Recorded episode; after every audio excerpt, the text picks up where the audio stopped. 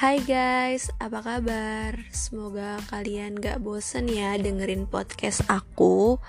Jadi kali ini aku bakal ngebahas tentang analisis lagi Dengan sedikit kasus yang berbeda. Oke, silahkan didengarkan. Jadi di sini tuh ada kasus antara Haji Rojali dan partnernya. Jadi Haji Rojali itu mempunyai waralaba dan franchise dan mengenakan konsep royalty. Jadi pertanyaannya bagaimana analisa tinjauan fikih waralaba waralaba antara Haji Rojali dan partnernya? Oke langsung aja kita bahas. Jadi di sini aku akan ngebahas seperti biasa 14 analisis fikih transaksi keuangan kontemporer.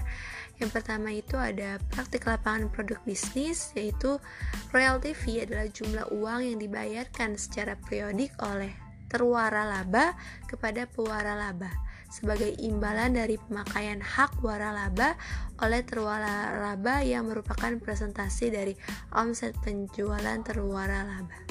Sama seperti franchise fee, nilai royalty fee ini sangat bervariatif tergantung pada jenis waralabanya. Kemudian ada parameter kesesuaian syariah. Yang pertama itu ada pembagian royalty fee harus memenuhi prinsip syariah sesuai dengan prinsip Islam.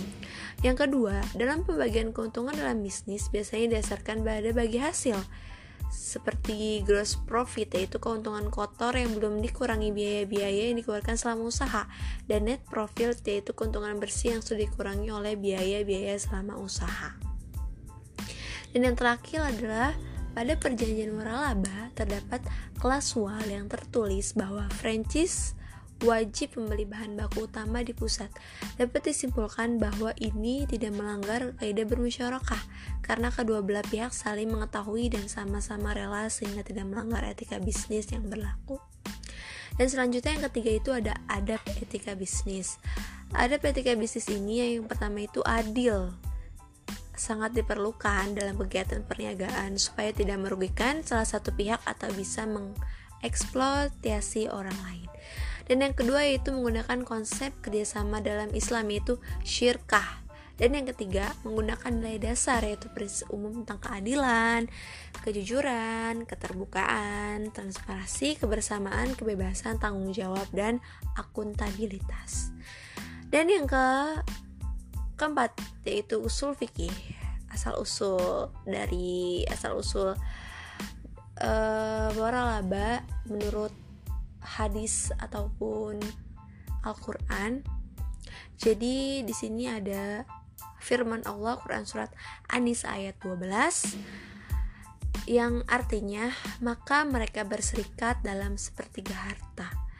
Dan kemudian ada Quran surat An-Nahl ayat 90 Sesungguhnya Allah menyuruh kamu berlaku adil dan berbuat kebajikan, memberi kepada kaum kerabat, dan Allah melarang dari perbuatan keji, kemungkaran, dan permusuhan. Dia memberi pengajian kepadamu agar kamu dapat mengambil pelajarannya. Kemudian ada hadis Rasulullah SAW Rasulullah Muhammad SAW pernah mengatakan bahwa sebagian besar rezeki manusia diperoleh dari aktivitas perdagangan. Hal ini disabdakan beliau dalam hadis yang diriwayatkan oleh Habsyi Al-Harabi yang artinya Berdaganglah kamu sebab dari 10 bagian penghidupan 9 di antara dihasilkan dari berdagang. Dan kemudian di sini ada kaidah fikih. Kaidah fikih adalah dalam hal ini menghindarkan mafsadat dihalukan untuk menekan maslahat. Kemudian ada pada dasarnya sebab bentuk muamalah boleh dilakukan kecuali ada dalil yang mengharamkannya. Kemudian makosid syariah dari waralaba ini ialah pemberi waralaba akan lebih mudah untuk melakukan eksploitasi wilayah sebelum masuk lingkungan organisasinya. Kemudian penerima waralaba akan mengkonsentrasikan diri secara lebih optimum pada bisnis yang diwaralabakan tersebut. Oleh karena itu, mereka adalah pemilik bisnis itu sendiri. Dan kemudian, pemberi waralaba cenderung untuk tidak memiliki aset outlet yang sendiri. Tanggung jawab bagi aset tersebut diserahkan pada penerima waralaba yang memilikinya. Oke di sini terdapat akad-akad nih fikihnya itu pertama ada syirka al mil, syirka al amlak, kemitraan dalam kepemilikan, kemudian syirka al ukut, kemitraan berdasarkan suatu akad. Konsep fikih muamalah yang diterapkan oleh waralaba konsep royalty fee ini adalah yang pertama itu ada konsep keadilan. Ini sangat diperlukan dalam bentukan franchise fee dan royalty fee. Dalam penentuan franchise fee, seorang pewaralaba harus adil untuk menentukan konsep besar biaya yang dibutuhkan dalam menjalankan bisnis tersebut. Kemudian ada konsep kerjasama dalam Islam itu yang biasa disebut syirkah. Kemudian ada pemilik dana menanamkan dananya melalui lembaga keuangan dan bertindak sebagai pengelola dana. Kemudian ada pengelola mengelola dana tersebut dengan sistem dikenal dengan sistem penghimpunan dana selanjutnya pengelola dana menginvestasikan dana tersebut ke dalam usaha yang layak dan menguntungkan dan terakhir adalah kedua belah pihak mempunyai kesepakatan akad yang berisi ruang lingkup kerjasama, jumlah nominal dana, nisbah dan jangka waktu berlakunya kesepakatan. Oke, selanjutnya ada fatwa DSN MUI di sini Fatwa Majelis Ulama Indonesia nomor 1 garis miring Munas nomor 8 garis miring MUI garis miring 15 garis miring 2005 tentang perlindungan hak atas kekayaan intelektual. Kemudian ada pengertian syirka menurut fatwa DSN MUI nomor 114, DNS DSN MUI 9 garis miring 2017 tentang akad syirkah yaitu akad syirkah adalah akad kerjasama antara dua pihak atau lebih untuk suatu usaha tentu di mana setiap pihak memberikan kontribusi dana atau modal usaha dengan ketentuan bahwa keuntungan dibagi sesuai nisbah yang telah disepakati. Silakan didengarkan. Oke, selanjutnya yaitu Fatwa Standar Syariah AOIV.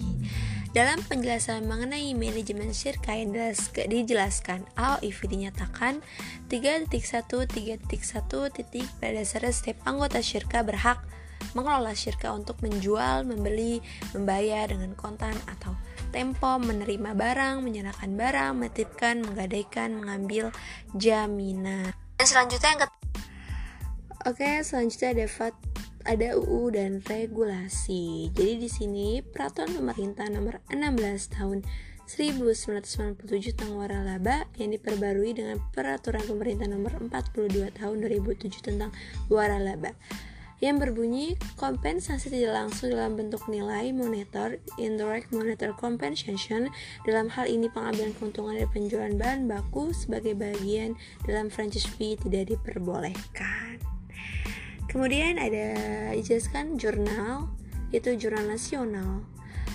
yang berjudul Sistem Bagi Hasil dalam Perjanjian Waralaba Perspektif Hukum Islam yang ditulis oleh Puji Sulistianingsih di jurnal Hukum Novelty. Kemudian ada jurnal internasional itu berjudul The Influence of Determining Factor on Islamic Stock Index in Indonesia yang ditulis oleh Azhar Alam, Galuti Anggraini, Muhammad Anas, IIJMIS International Journal of Management, Entrepreneurship, Social Scan and Humanity. Kemudian ada berita dan informasi. Nah, di sini di berita aku mengambil berita dari mau buka franchise Taugo. Ini model dan syaratnya. Ini dari kompas.com. Jadi sedikit uh, isinya itu yaitu bisnis franchise atau laba saat ini mulai menjamur. Salah satu franchise yang bisa kamu coba untuk beli yakni Taugo. Taugo merupakan bisnis jajanan gerobak dengan sistem kemitraan yang telah berdiri sejak Desember 2019 lalu. Kemudian ada manajemen pemasaran dan resiko. Yang pertama ada manajemen pemasaran, yaitu para pihak yang telah sepakat membentuk perjanjian waralaba terikat dengan segala ketentuan yang ada dalam perjanjian tersebut.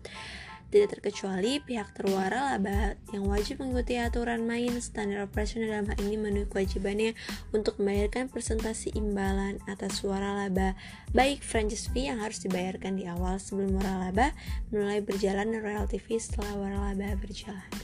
Kemudian resikonya itu muncul berbagai macam paradigma sistem atau kasus hubungan kontraktual yang dianggap berat sebelah. Para pihak saling berusaha untuk mengamankan atau menguntungkan dirinya sejak awal. Mula perbuatan perjanjian jika berhadapan dengan lawan kontraknya dengan membentuk suatu perjanjian yang substansinya lebih menguntungkan diri sendiri tanpa memperhatikan pihak yang lain.